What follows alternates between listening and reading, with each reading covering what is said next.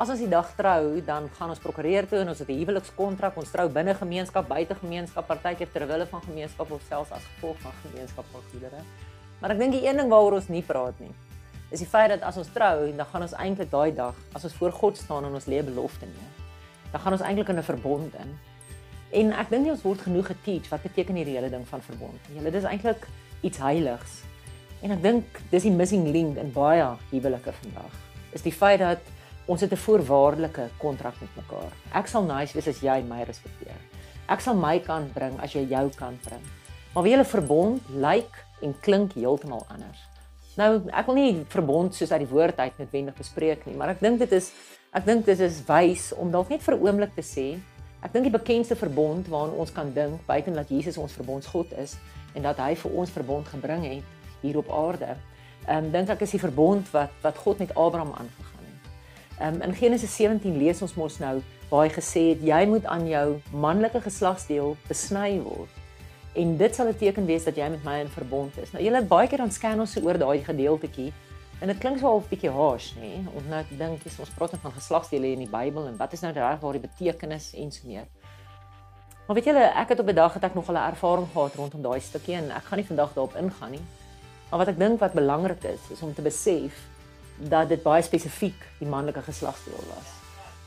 Die manlike geslagsdeel, wanneer ons daaraan dink, dan besef ons dat deur al die eeue heen is die manlike geslagsdeel amper 'n simbool van trots nê. Nee. Gaan dink 'n bietjie as 'n vrou swanger raak, hulle sê vir die vrou geluk, maar hulle sê vir die man well done.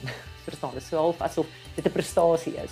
Vandat seentjies klein is, meet hulle mekaar so half en wie sien is die grootste en wie sien is die langste en en so meer.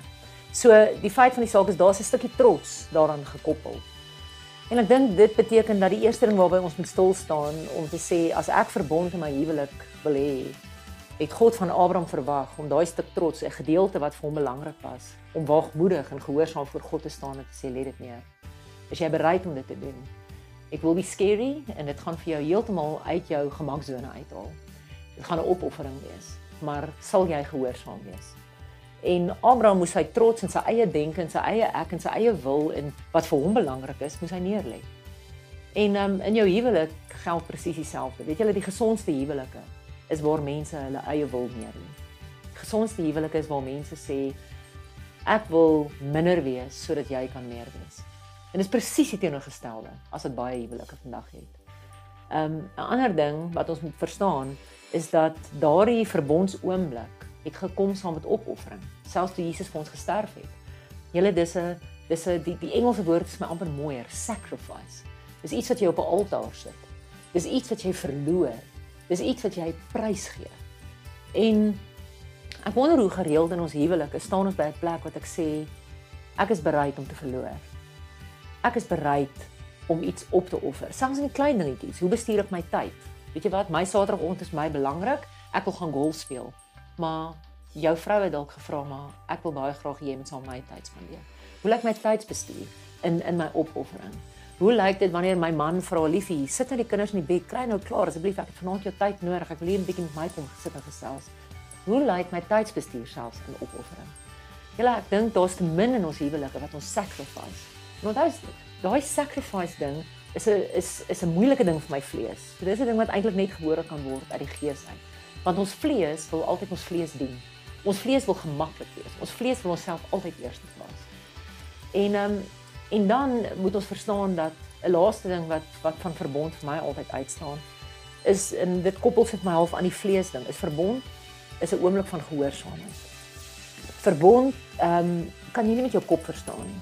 Verbond kan mense nie vir jou verklaar op papier nie.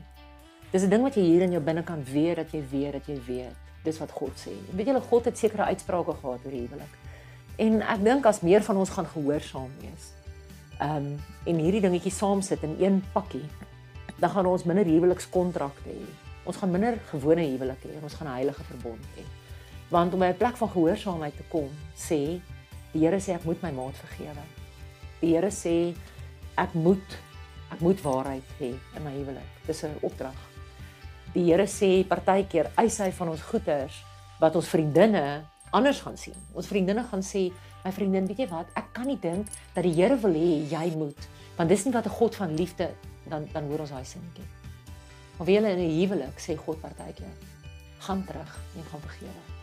Partykeer sê hy, gaan terug en gaan maak reg. En dan wil ons vlees opspring. Maar as ons kan gehoorsaam wees, dan ontdek ons dalk iets heilig. My gebed is regtig waar dat jy daardie heiligheid in jou huwelik sal hê. Het sy dit is daar waar jy begin by 'n plek wat jy seker weet ek moet my hart gaan ondersoek. Ek moet gaan neerlê. Daar waar jy dalk jou trots moet neerlê, ehm um, gaan neersit. En waar jy sê Here, maak my minder in my huwelik en maak my maat meer. Op die einde van die dag, tussen my en tussen jou, is ons die belangrikste.